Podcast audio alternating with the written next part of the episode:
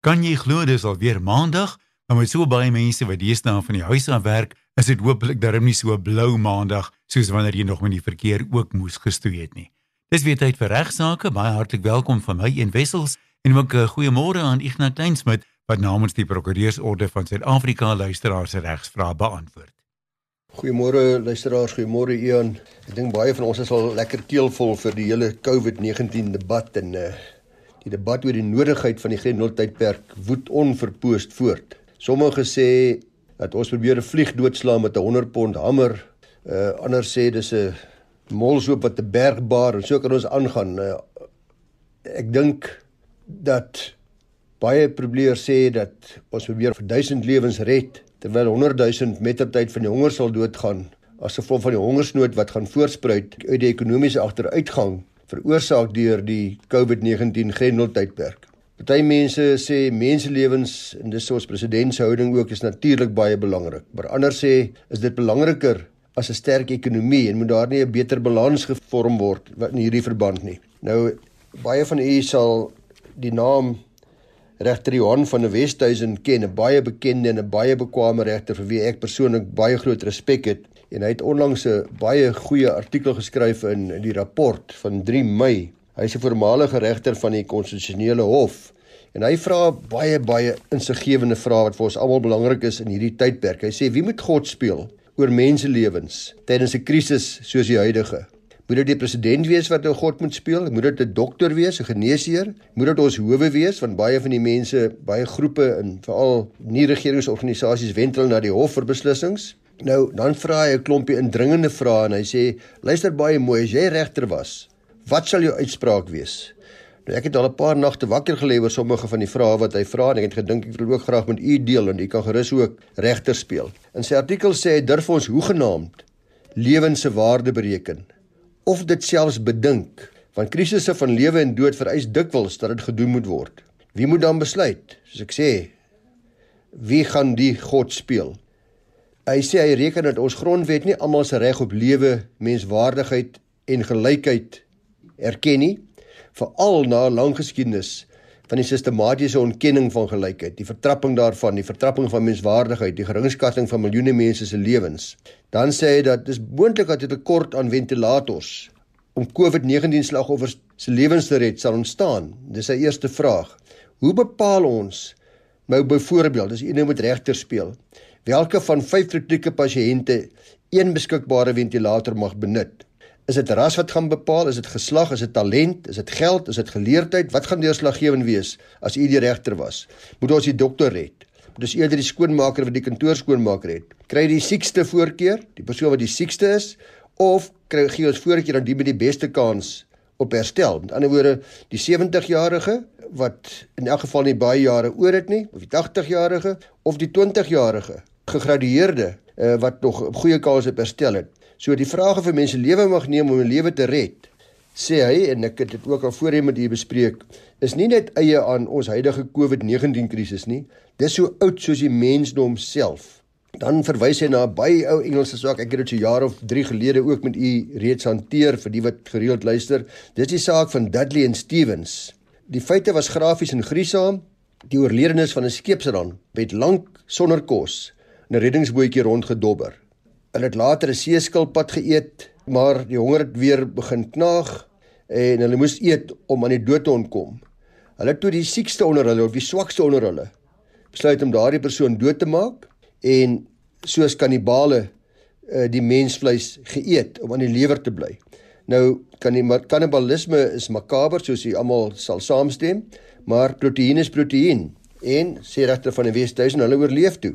Nou tipies pragmaties het 'n Engelse hof hulle later aan moordskuldig bevind, maar gefonnis en luister hier net tot aanhouding totdat die hof verdaag. So op hierdie manier is 'n regterlike bevinding dat die doodslag van 'n onskuldige regmatig kan wees vir my. Aan die woorde is nog steeds moord, jy is skuldig. Maar dit lyk egter reg om die pleging van moontlik die ergste van alle misdade glad nie te straf nie. Is dit reg volgens u? Vra jouself maar af of daardie beslissing of jy daarmee saamstem. Dan die tweede vraag sê hy: "Gestelde groep mynwerkers is ondergronds vasgekeer na 'n ramp. Met behulp van radioverbinding kry hulle advies van buite. ingenieurs en medisyne sê dat dit lank sal duur om hulle te bevry om sonder kos te kan oorleef en dat hulle wel aan die lewe kan bly deur mensvleis te eet. Nou soek daardie klomp mense onder die grond al die morele, geestelike en regsadvies van u oor of hulle dit moet doen. En belangrik, hoe gaan hulle besluit wie die jolly good fellow gaan wees wat sy lewer en sy niere en sy lewe vir sy naastes gaan gee? Natuurlik is daar ook 'n klein vraagie of hulle later as moordenaars gebrandmerk gaan word of hulle aangekla gaan word van moord of moet elkeen homself afvra moet ek maar liewer self sterf? Baie moeilike vraag, wat sou u doen as u die regter was? Dan verwys regter van die Wesduise na 'n vroeëre uitspraak van ons konstitusionele hof in Suid-Afrika wat wel reg riglyne vir ons gegee het vir die wetywering van sterwendes uh vir daardie ventilator waarvan ons vroeër gepraat het. Dit was die saak vir meneer Subramani. Uh hy sou sterf sonder toegang tot 'n nierdialyse masjien. Maar talle ander pasiënte het dit ook benodig daar was 'n tekort, daar was net nie genoeg van hierdie baie duur masjinerie nie. Hy het nie aan die hospitaal se kriteria voldoen nie en hulle het geweier om hom te behandel met hierdie nierdialyse masjien en hy het die hof genader om hulle te probeer verplig. Nie alleen het hierdie saak gegaan om die reg op lewe en menswaardigheid nie, maar ook op die vraag of ons nuwe grondwet wêreldgeskiedenis gemaak het met die erkenning van sogenaamde sosio-ekonomiese regte, waaronder die reg op gesondheidsorg. Een vraag van hoeke af al was of hierdie regte in 'n hof afdwingbaar is of bloot maar net mooi leë beloftes was. Almal van ons het die reg op gesondheid. Ons grondwet sê so. Die reg op gesondheid sorg. Nou sê meneer Subramani, hy sê ja, goed, gee vir my 'n nierdialyse masjien. Ek is besig om te sterf. Nou is die vraag wat die hof moes vra, wat u vir uself moet vra. Moes die applikant bo ander kritieke pasiënte voorkeur kry of sterf? Wat sê die regter?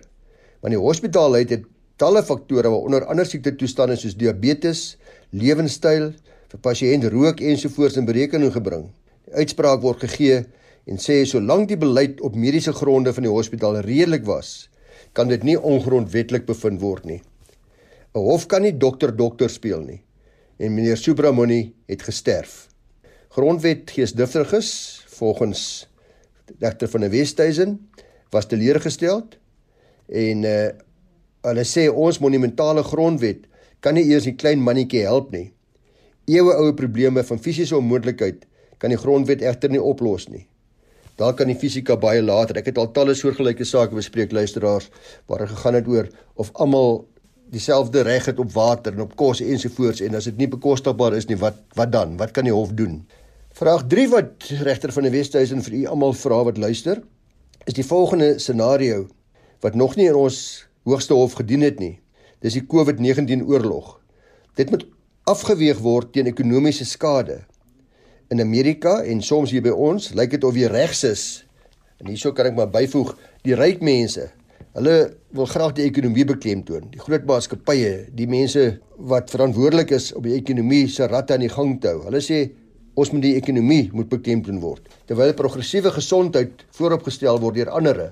'n Maatskappy van dooies kan in ieder geval nie wins maak nie, sê die minister van samewerkende regering en tradisionele sake Dr Nkozana Dlamini Zuma. Nou, ons kan nie lank ekonomies bedrywig bly deur snaakse WhatsApp boodskapies aan te stuur soos baie van ons kry nie. Ekonomiese vooruitgang beteken nie net rykdom nie, maar werk. Dit beteken dis kos. Natuurlik, nuusbeelde ontstel ons. Ons hoor hoe kinders huil van die honger. 'n Tranerige tannie verkies om liewers 'n COVID-19 dood te sterf bo hongerdood en so kan ons aangaan. Ons word daarmee elke dag gekonfronteer. En dan, liewe luisteraar, sê regter van die Wesduisen self moet u u as regter aanstel. U hof, u by bank word genader vir 'n bevel teen die president om die rampbestuurbeperkings op te hef, soos baie van u graag wil hê. Omdat dit meer lewens sal kos volgens u argument of volgens die argument van die aansoeker as wat dit gaan red. Nou die vraag is gee getalle die deurslag? Mag 100 lewens, willens en wetens, ons weet hierdie mense gaan sterf, mag dit opgeoffer word vir elke 1000 wat dalk later gered kan word? Oor 'n week, oor 'n maand of 'n dekade, maak dit saak? Of die 100 of die 1000 kinders of ouers mense gaan wees, of hulle in Sandton bly of hulle in Diepsloot bly? Regter van die Wesduisen sê Regter, u wat luisteraar, wees versigtig. COVID-19 sal verbygaan. Daar wag baie ander krisisse ook wel vir ons. Die wêreld kan terugkeer na beproefde uitwissingstegnieke soos oorlog, terrorisme, nuwe siektes is op pad. Dan sê hy, luister mooi, speel nou regter. Verbeel jou 'n vliegtyg van een van die min oorblywende lugrederye is op pad van Australië af. Die 200 passasiers het die Springbokke se eerste rugby toets in jare bygewoon. Dis egter gekaap en bestem oor 3 uur iewers in Suid-Afrika 'n onbekende teiken met duisende mense te tref om die ou 911 se kolskoot te vier. Kom ons dink maar, sê nou maar as die FNB stadion of Loftus of waar ek nog honderde duisende mense bymekaar is, die vliegtuig gaan daar om vasvlieg. Terwyl dit oor die oseaan vlieg, kan dit in vlamme afgeskiet word. Die lugmag kan met ander woorde hulle missiele laai. Hulle kan seker maak dat hierdie vliegtuig afgeskiet word en die 200 passasiers sal almal sterf, maar hulle red al die mense in die gebou of in die stadion waar natuurlik die vliegtuig op pad is.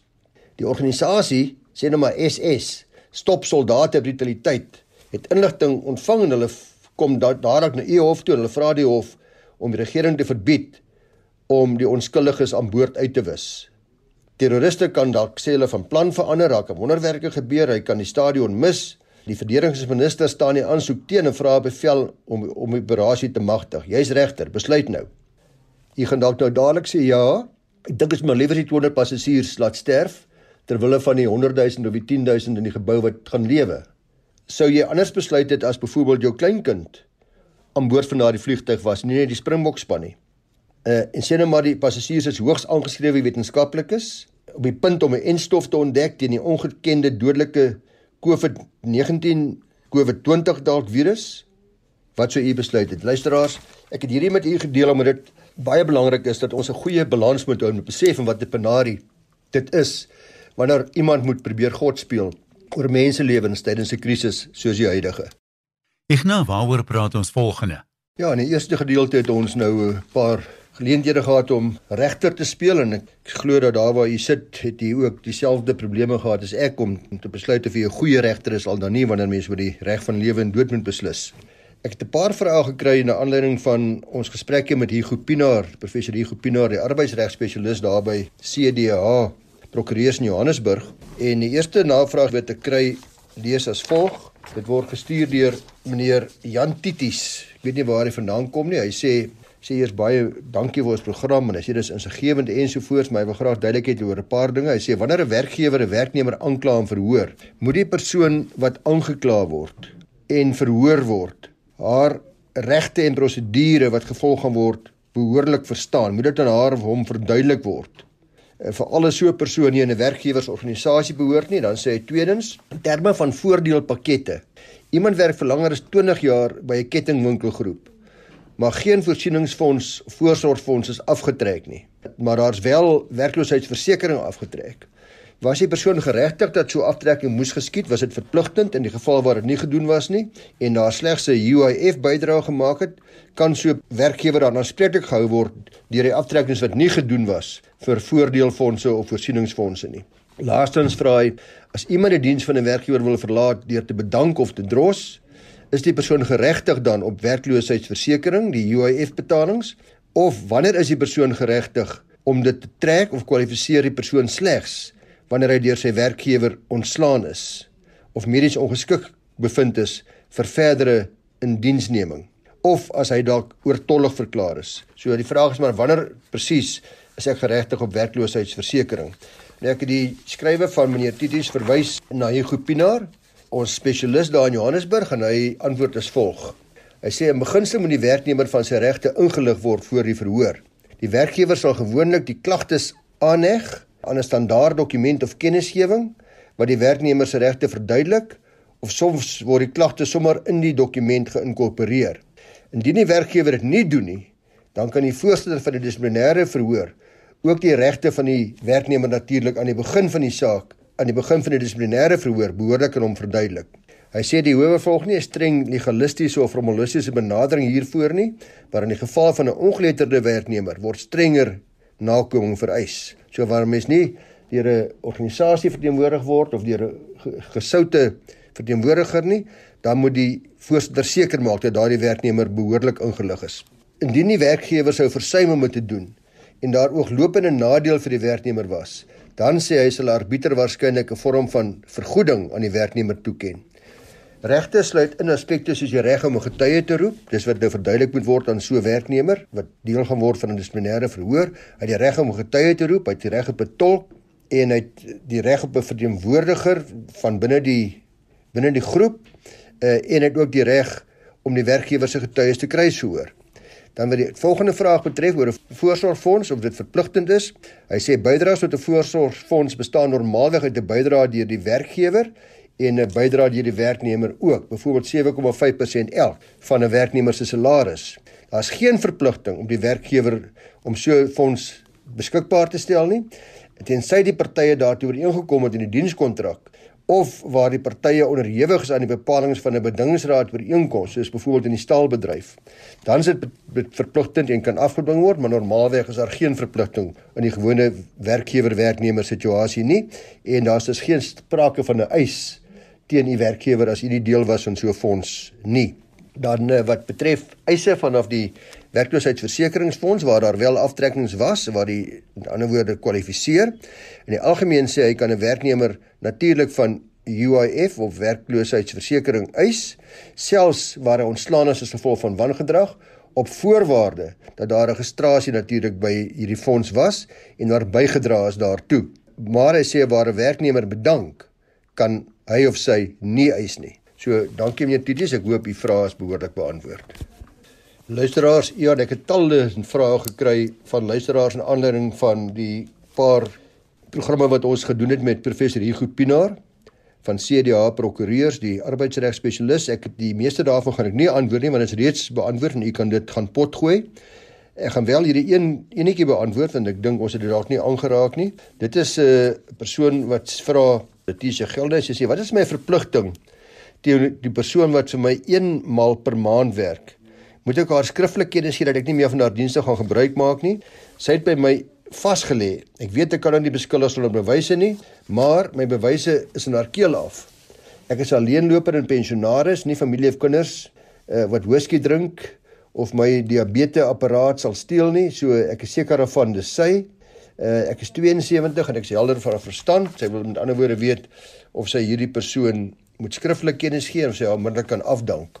Ek het ook hierdie vraagie gestuur na Hugo Pinaar toe en uh hy antwoord baie kortliks as volg. Hy sê hierdie persoon wat net 1 dag per maand werk, bly nog steeds 'n gewone werknemer en 'n dienskontrak soos in alle ander gevalle van werknemers kan alleen beëindig word op grond van wangedrag ongeskiktheid vir operasionele vereistes en elkeen vereis 'n behoorlike rede en 'n behoorlike proses wat gevolg moet word. So in die geval hierso dit dis wat hy antwoord. Ek wil net byvoeg dat in hierdie geval waar sy duidelik uh gaan probleme hê om haar van haar bewyslas te kwyt, sal sy die gewone arbeidsregtelike prosesse moet volg om dit te bewys by ge, by gebreke waarvan sy as hy nie wangedrag kan bewys of ongeskiktheid of operasionele vereistes nie, dan gaan sy 'n probleem hê. Dankie ook aan Hugo vir hierdie antwoord.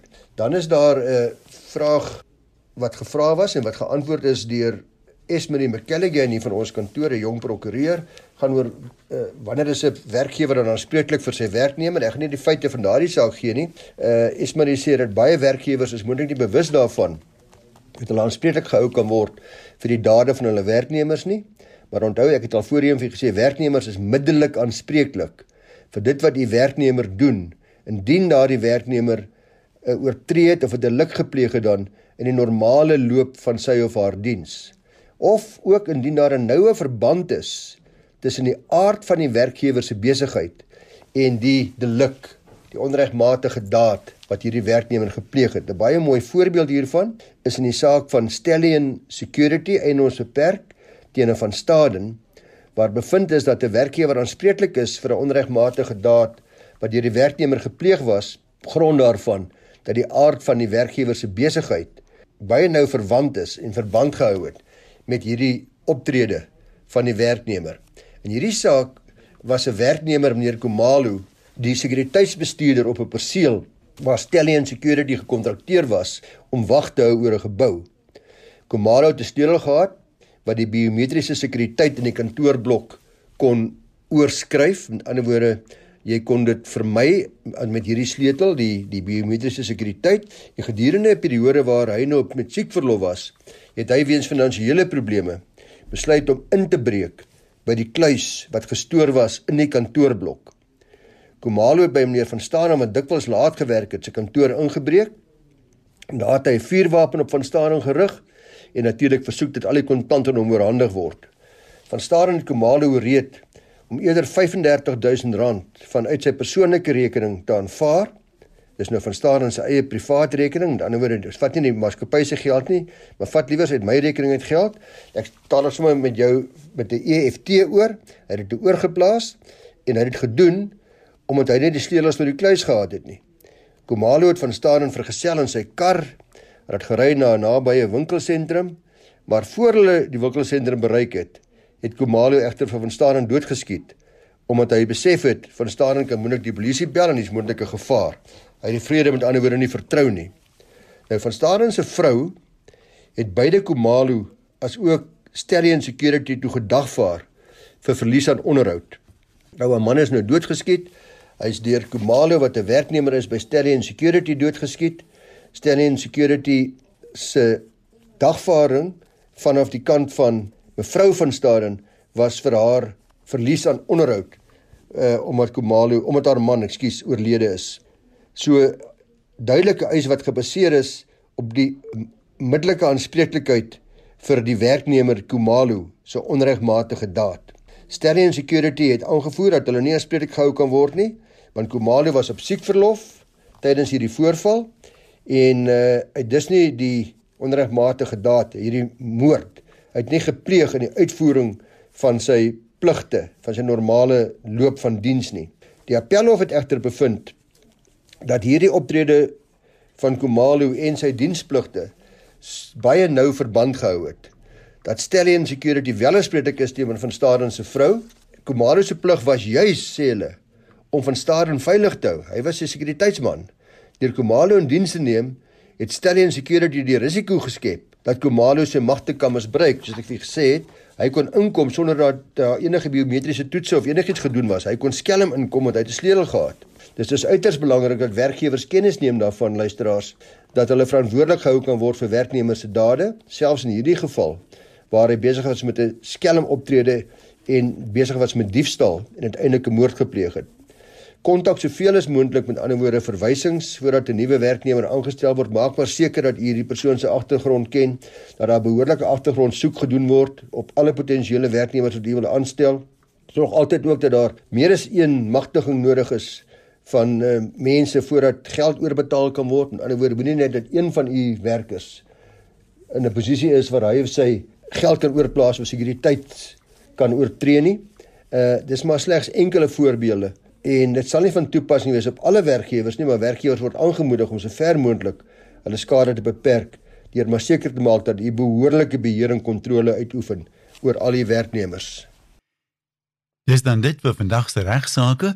Onthou jy kan jou vrae vir beantwoording direk vir Ignas stuur na igna@ffd.co.za. En as jy nie maandag 11:30 na regsaake kan luister nie, Onthou elke program is ook as potgooi beskikbaar op RSG se webwerf rsg.co.za. Klik bo in die bladsy op potgooi, rol dan af tot by regsaake of gebruik regsaake as soekwoord. Van my en wissels, mooi loop tot volgende maandag.